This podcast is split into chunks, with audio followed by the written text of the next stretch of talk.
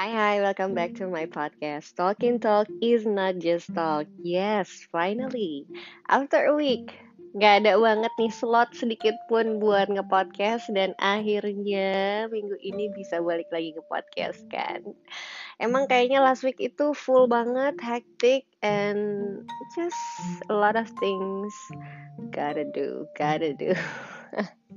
anyway, um, I hope you are in a good health semuanya. Stay safe, stay healthy ya kan.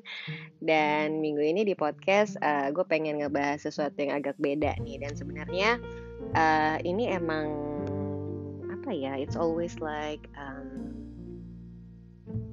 menarik untuk uh, you know for me it's like I wanna know more and more and more about this topics karena uh, sebenarnya uh, tanpa kita sadari ini tuh satu masalah global yang cukup gede. Bahkan katanya ini adalah uh, masalah yang paling gede ketiga di dunia. And you know what is that? Is actually human trafficking. so uh, this is really like um, a biggest um, one of the biggest crime in the world uh, dan buat gue ini adalah satu pelanggaran hak asasi manusia uh, di mana orang-orang itu berpikir untuk memperdagangkan manusia. Can you imagine that? So they trade people seperti layaknya sebuah barang dagangan ya kan. Makanya uh, PBB atau United Nation uh, mereka itu uh, akhirnya uh, membentuk United Nation Office on Drugs and Crime atau mungkin kalau lo tahu itu namanya UNODC itu untuk memang khusus buat menangani masalah perdagangan manusia atau human trafficking. Uh, bisa juga untuk kayak apa? Kayak penyelundupan imigran gelap gitu untuk smuggling. So um, this is the biggest, big, big, big one. You know, like um, it's it's, it's totally apa ya uh, happenings around the world and getting raised and raised and raised uh, tiap tahun itu tingkat uh, apa tingkat terjadinya uh, human trafficking ini semakin banyak dan dan uh, sebenarnya ini menjadi concern concern kita harusnya ya kan uh, to avoid this uh, to to reduce this happening around the world. Uh, dan dan sedihnya lagi ya kalau untuk gue pribadi. So mostly uh, human trafficking ini it's happening to women gitu. Terjadi kepada wanita. Terjadi kepada perempuan-perempuan di bawah umur yang mereka akan dijual kemudian dijadikan pekerja seks komersial which is um, it's apa ya? Mm, it's just not you know. Uh, yeah even though it's happening too for for uh, uh, a boys or uh, a man you know? Uh, but mostly it's happening to a woman dan dan perempuan yang di bawah umur. So uh, anyway um, perdagangan manusia atau human trafficking ini uh, it you know it can earn like 150 billion US dollar per year you know? It's like people get advantage from it. Gila kan?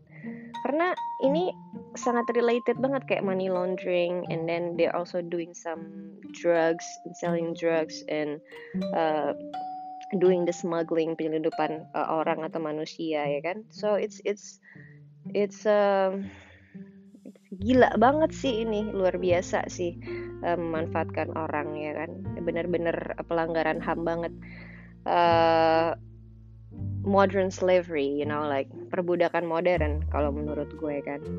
Terus uh, kalau di Indonesia sendiri tuh mungkin lo sering denger lah ya, uh, ya mungkin uh, bisa dimulai kayak yang yang uh, starting from outsourcing company mereka uh, providing kayak um, apa lowongan kerja buat TKI TKI yang dikirim ke mungkin misalnya ke Arab Saudi atau uh, ke mana ke Iran atau Irak and then mereka akhirnya uh, cuma diiming-imingin kerja sampai di sana akhirnya mereka dijual ya kan as a as a traffickers.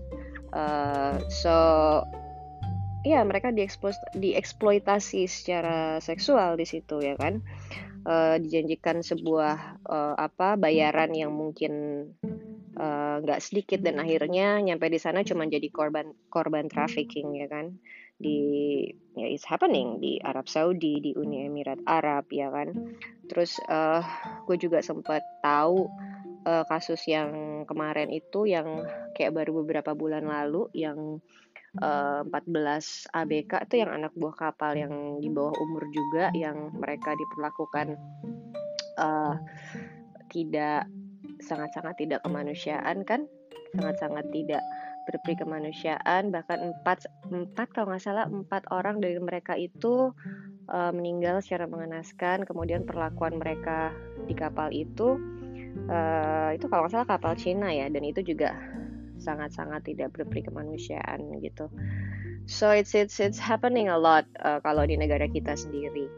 Uh, dan di Asia Tenggara sendiri karena kita Indonesia kan salah satu uh, kawasan Asia Tenggara itu uh, human trafficking itu hampir uh, seperti yang gue bilang tadi 70% korbannya itu wanita di bawah umur. Ya kan? Uh, so kita nggak akan pemerintah tuh nggak akan bisa nggak akan bisa uh, bikin awareness ini tanpa adanya dukungan dari orang-orang ya kan? Tanpa adanya uh, apa? Tanpa adanya uh, informasi yang mungkin sangat-sangat uh, informatif untuk uh, setiap orang bagaimana cara untuk uh, membantu korban atau avoiding as a victim ya kan? Uh, jadi pemerintah kalau Indonesia sendiri tuh mereka uh, apa ada tuh ininya apa uh, konvensi uh, bekerja sama dengan International Convention for the Suppression of a White Slave Traffic. Jadi itu konvensi internasional untuk menghapus perdagangan budak kulit putih dan itu tuh memang udah dibuat dari tahun 1921. While people talk about Black Lives Matters, in the opposite ways, there's also like they have the white slave traffic, ya kan? Perdagangan budak kulit putih. So it's actually uh, hmm, perbudakan atau slavery. No matter what black or white you are, it's it's it's there, you know. So perbudakan itu ya, hmm, it's there. Uh, human trafficking, perbudakan manusia, ya kan? No, uh, nggak uh, melihat ras lo tuh kulit putih atau kulit hitam is happening you know? So just people just, people just don't realize that gitu kan. Uh, and then um, well dan untuk mencegah salah satunya di Indonesia tuh sebenarnya pemerintah juga udah buat undang-undangnya kan. Itu undang-undangnya uh, sempat gue cari tuh kemarin karena gue uh, pengen tahu kan sebenarnya undang-undang yang mengatur soal human trafficking itu tuh apa sih isinya gitu kan ya mungkin gue baca sedikit ya uh, karena uh, the whole the whole apa the whole uh, isinya tuh kayak agak panjang juga gitu. So uh, ini tentang pemberantasan tindak pidana perdagangan orang.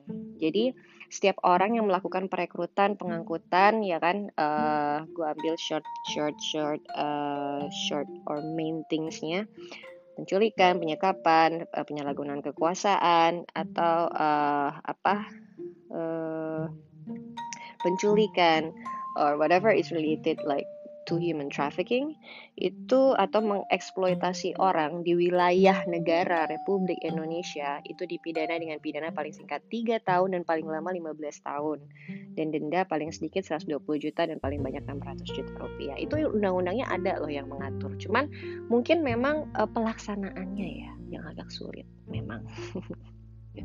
pelaksanaannya yang agak sulit ya kan. Uh, ya jadi hmm, kalau di dunia sendiri ini tuh bisnis miliaran dolar, oke? Okay? Dan ini adalah salah satu industri ilegal yang tumbuh paling cepat, paling cepat, you know. Karena kadang mereka bisa, you know, like um, uh, apa ya? Um, it's really easy for them to apa to accommodate people ya kan? Mereka akan uh, ambil anak-anak uh, perempuan atau wanita anak-anak uh, perempuan di bawah umur atau wanita yang mungkin uh, mereka nggak punya orang tua mereka punya masalah um, masalah di keluarga pendekatannya banyak kan? Bisa lewat social media atau um, mereka punya sindikat untuk uh, atau komunitas untuk looking for them. So ini tuh kayak benar-benar yang growing so fast without we're notice about this ya kan. Dan dan uh, you know my wish dan karena bulan ini adalah bulan Juli dan biasanya itu tanggal 30 Juli itu uh, setiap tahun itu kan diperingati sebagai World Day Against Trafficking in Person. Itu uh, untuk ngebantu orang-orang aware about these things gitu. Dan dan gue pengen juga uh, melalui podcast ini uh, when you hear that you also uh, becoming one one uh, person or uh, a part of a of a person who will you know like have this information and trying to see surround you. Mungkin kita nggak sadar akan ada orang di sekitar kita yang akan jadi victim ya kan uh, so we we have to save them you know like uh it's it's it's, it's that's so sad. Ya kan?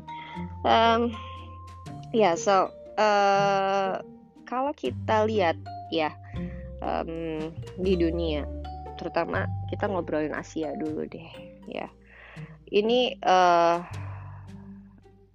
ada beberapa negara yang paling banyak terjadi human trafficking. Itu kalau uh, gue cari-cari tahu, uh, tetap ya negara yang populasinya paling banyak di dunia, yang mungkin uh, bisa dibilang 20% dari populasi uh, manusia di dunia, which is Tiongkok ya kan? Karena dia uh, populasi manusianya aja itu udah uh, satu miliar orang ya kan? Terbayang kebayang dong segitu banyaknya orang populasi di situ dan yang uh, kata uh, katanya disebut sebagai negara yang bakal jadi negara superpower dengan creating the 5G ya kan So, well, this country is also the biggest, uh, the biggest case gitu happening for for human trafficking. Karena mungkin di situ um, memang negaranya modern kan, perencanaannya itu cukup modern. Iya dong, gimana nggak modern? Mau bakal ada 5G ya kan? But uh, di situ juga ada ada uh, perbedaan yang sangat-sangat signifikan antara masyarakat yang tinggal di kota sama ada juga yang masih tinggal kayak di desa. Nah, di situlah uh, yang mungkin yang masih tinggal di desa itu tuh yang jadi uh, korban untuk apa, um, you know, uh, sex commercial ya kan, pekerja seks komersial maksud gue, and then um, ya dan akhirnya uh, mereka lah yang jadi uh, apa for trading uh, untuk dikirim ke beberapa negara untuk dijual. Terus uh, ya yeah, that's the first country and the second one is uh, Ghana.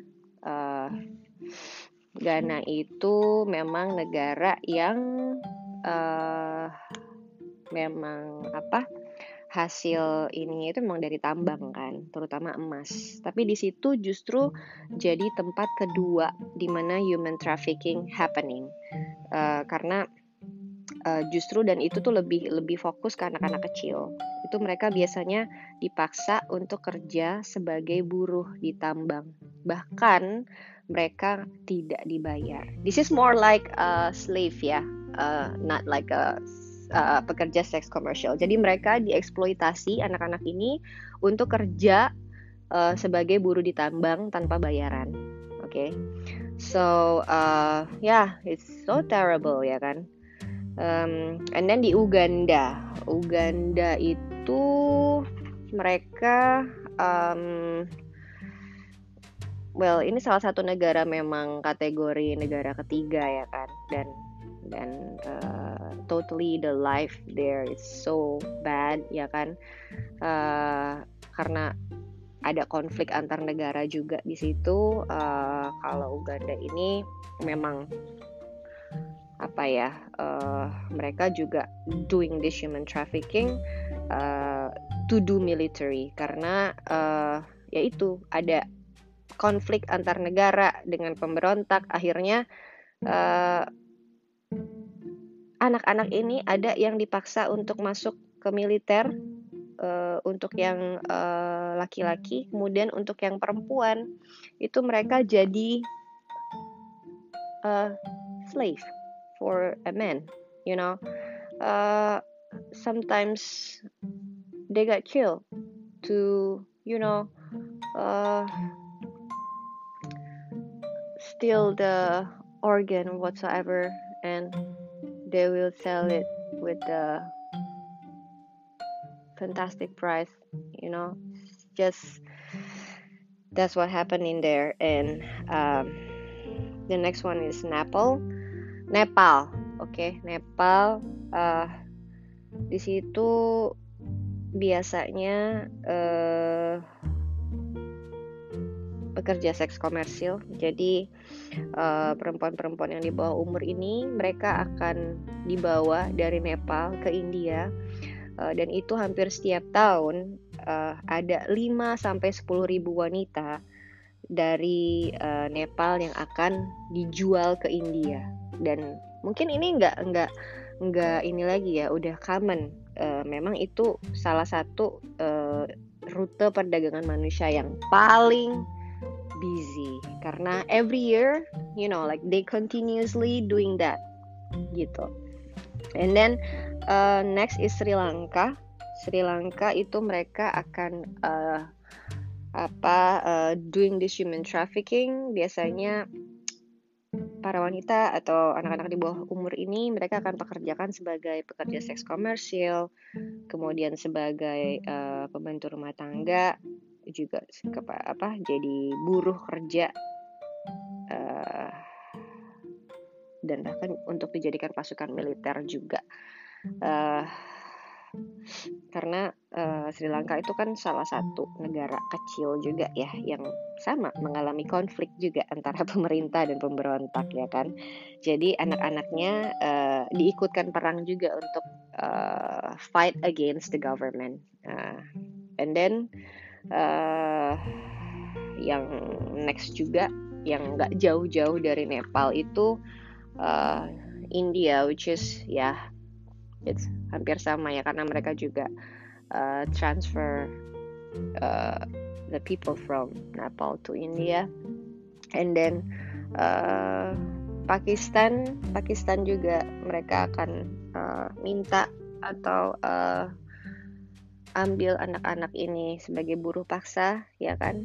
Uh, karena di situ tingkat prostitusi yang tinggi Uh, dan kalau kita pindah ke Amerika nih sekarang, ada sebuah negara kecil. Itu tadi kita ngomongin Asia ya. Ada sebuah negara kecil di Amerika Selatan itu Haiti. Itu uh, itu juga salah satu jadi tempat di mana human trafficking uh, terjadi sangat tinggi, ya kan? Uh, karena di di di Haiti sendiri itu turis yang berdatangan dari Amerika dan Eropa itu kayak tempat transit gitu loh. Jadi uh, mereka uh, apa Haiti itu jadi kayak tempat transit gitu. Jadi mereka uh, apa akan akan uh, trading the person uh, to Haiti dan ketemu si traffickers traffickers ini untuk untuk dijual gitu kan. Uh, dan itu rata-rata mereka hmm, di bawah umur semua. Ya kan? Dan they only get paid by one dollar.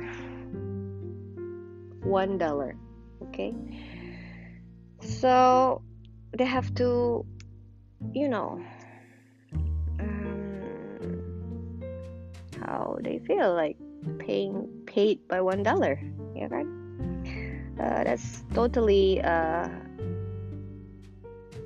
cruel you know and then they're not they're not uh, having any food to survive and they just get uh, they need to work and work every day uh, selalu dieksploitasi setiap hari. Uh, ya yeah, next is uh, masih di Amerika. Ada Brazil um,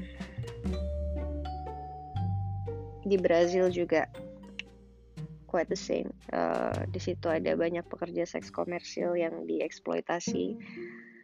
Uh, terus ada Bangladesh. Bangladesh ini uh, gue rasa adalah salah satu negara yang paling terkenal dalam hal perdagangan manusia uh, karena negara ini sangat-sangat sangat-sangat common untuk people dari all around the world to send the human or to trade the human to there karena permintaan yang cukup tinggi di sana ya kan? So it's it's um yeah so it's all that country uh, termasuk Indonesia itu juga sebenarnya tingkat uh, terjadinya human trafficking itu juga luar biasa gede uh, untuk di Asia. Um, dan di Eropa sendiri nih ya di Eropa sendiri gue pernah uh, nonton gue pernah nonton uh, satu apa dokumenter gitu dari salah satu jurnalis ya salah satu jurnalis uh, so she came to the village uh, di Eropa Timur situ di Bulgaria. Di situ ada satu desa ya kan hmm, di Eropa Timur uh, mereka tuh punya uh, apa namanya hmm, tradisi uh, we call it bright market. They call it bright market sorry. So uh, it's a betting it's it's betting betting a girl. And the girl is not only like a girl it's your daughter. Gila ya. Jadi bright market ini adalah satu tradisi yang dilakukan setiap tahun di sana, di mana si orang tua ini akan menjual anaknya ketika anak gadisnya ini sudah cukup umur. Gila kan? Jadi anak-anak anak-anak ini uh, yang biasanya umurnya itu maksimal uh, kayak 25 tahun gitu ya. Uh, so it should be under that. Jadi kayak 25 tahun 25 tahun tuh kayak udah maksimal gitu.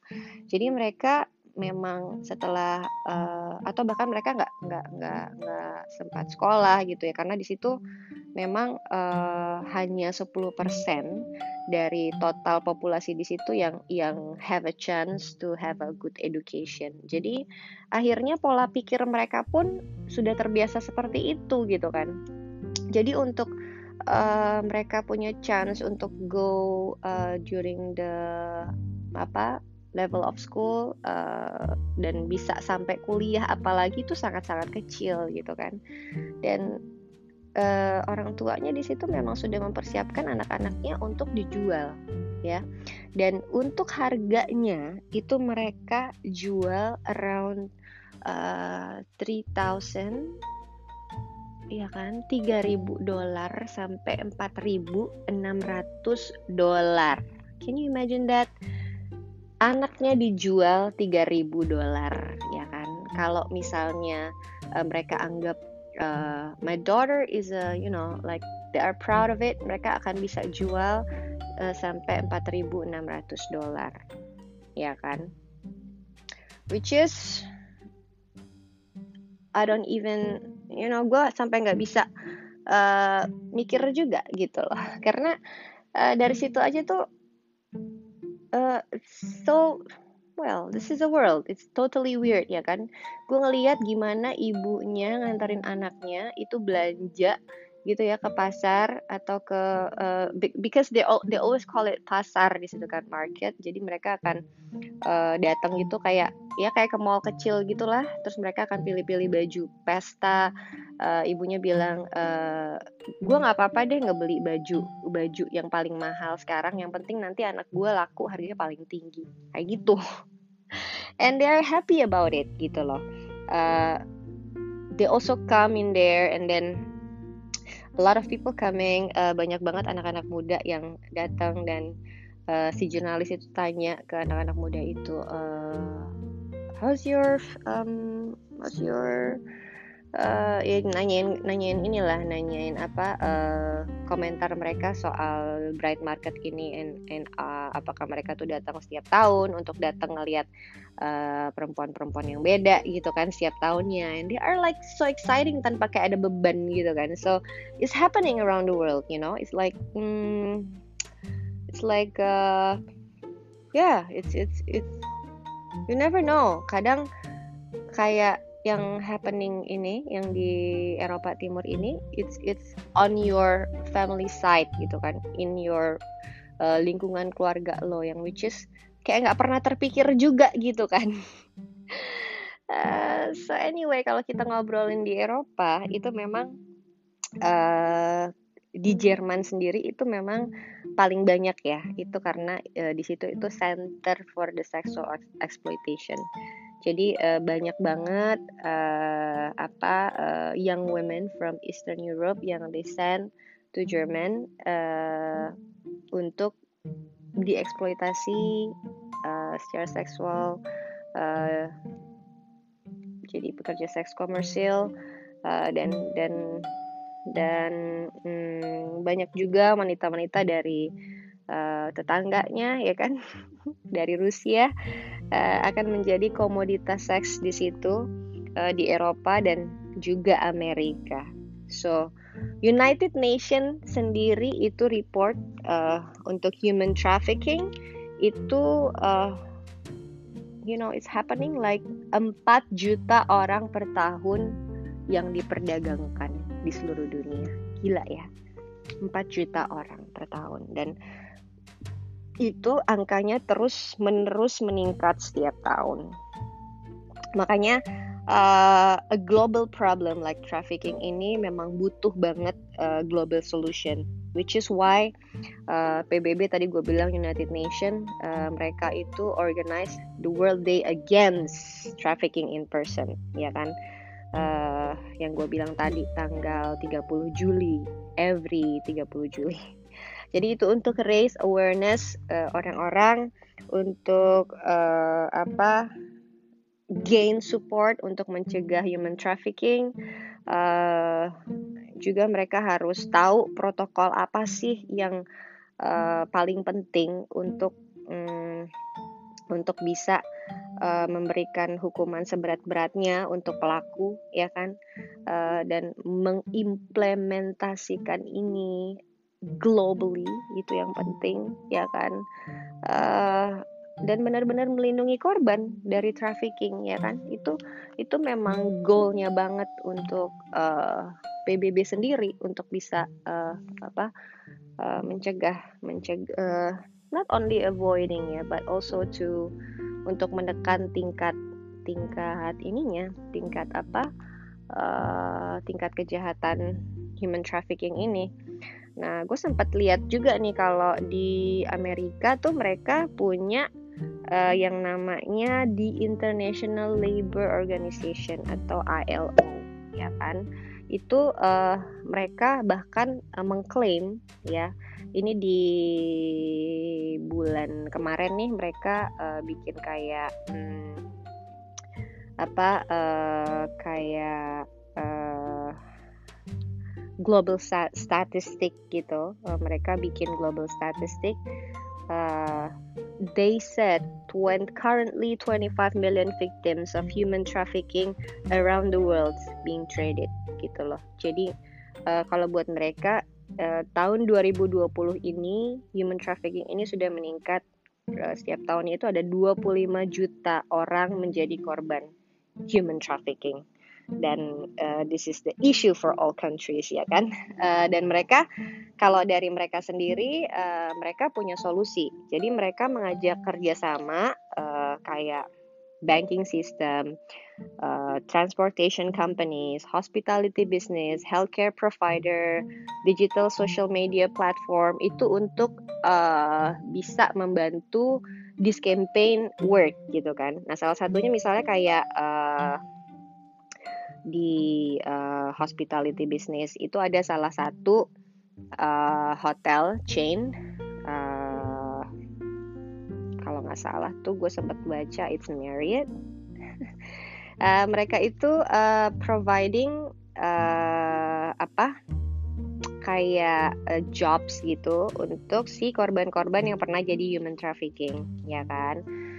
Uh, terus kalau untuk jadi mereka bisa uh, berkarir di hospitality industry di grupnya mereka gitu di grup hotel mereka. Kemudian uh, salah satu apa uh, impact positif juga kalau dari healthcare sector pasti kalau sebagai victim dari human trafficking ini kan pasti mereka akan punya uh, trauma secara trauma psikis ya ya kan?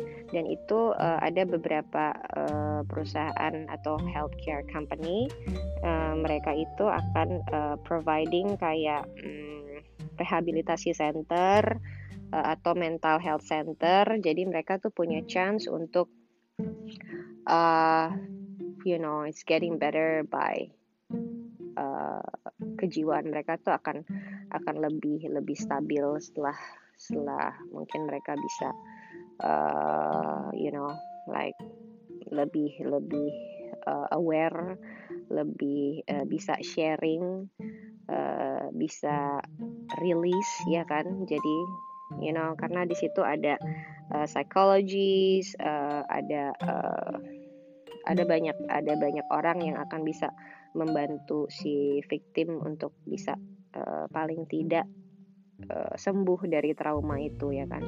Terus uh, ya yeah, like that. So uh, digital social media platform uh, untuk sekarang ya is of course it's so so helpful ya kan? Karena uh, everyone everybody um, doing and have social media ya kan?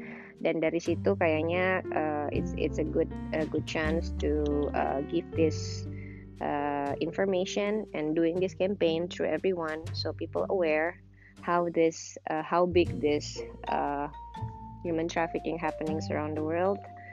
So yeah uh, i hope this can be reduced uh, then then uh, I'm hoping ya karena gue juga punya anak ya kan and I'm so sad if if uh, always like a women and anak-anak di bawah umur yang selalu menjadi korban dan bahkan uh, wanita-wanita uh, seperti yang gue uh, lihat itu yang si uh, dokumenter itu mereka bilang I don't have a chance to reach my dream. I don't have a chance to go to uh, a good school have a better education or you know uh, it's it's um that's sad you know.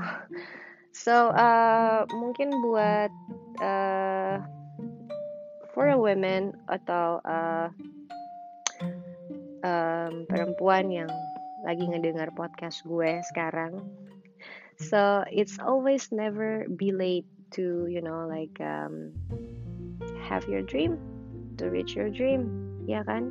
Nggak pernah ada kata terlambat dan this is not only happening uh, I mean this is not only for for women atau uh, perempuan di bawah umur juga untuk siapa pun yang ngedengar podcast gue sekarang. If you have a dream dan mungkin lo ngerasa uh, you can't reach that dream and then you decided to go to the uh, circle atau lingkaran yang salah dan akhirnya lo akan uh, masuk ke satu uh, satu apa ya satu uh, ada satu kesempatan orang akan mendekati lo dan akan melakukan hal buruk terhadap diri lo. So you have to get out from there, you know, and then you have to yeah uh, think about how to reach your dream. Okay, so yeah, nggak ada kata terlambat to reach your dream, and please uh, be aware of everything surround you karena kita nggak nggak uh, pernah sadar dan kadang nggak pernah tahu ya kan? Uh, bukan kita selalu mau um, apa uh, berpikir negatif but we have to be like uh, you know uh, lebih hati-hati dan aware lingkungan sekitar dan of course support the campaign. So spread the information, spread everything uh, to make people uh, more apa ya untuk orang-orang bisa lebih um, sadar bahwa this is so big so uh, happening around the world dan kita harus sama-sama uh, uh, menjaga keluarga kita ya kan? Menjaga anak-anak kita menjaga teman-teman kita uh, lebih aware dengan orang-orang di sekitar kita supaya tidak ada kesempatan bagi orang-orang yang uh, ingin memanfaatkan uh, apa orang lain untuk being traded. Okay. So thank you for listening my podcast and yes, uh, we're gonna talk in my next podcast. Uh, for yeah, we're gonna share about um, anything. Of course, the new things. We will talk about um, something new surround us. And I'm signing out now and see you in my next podcast. Bye.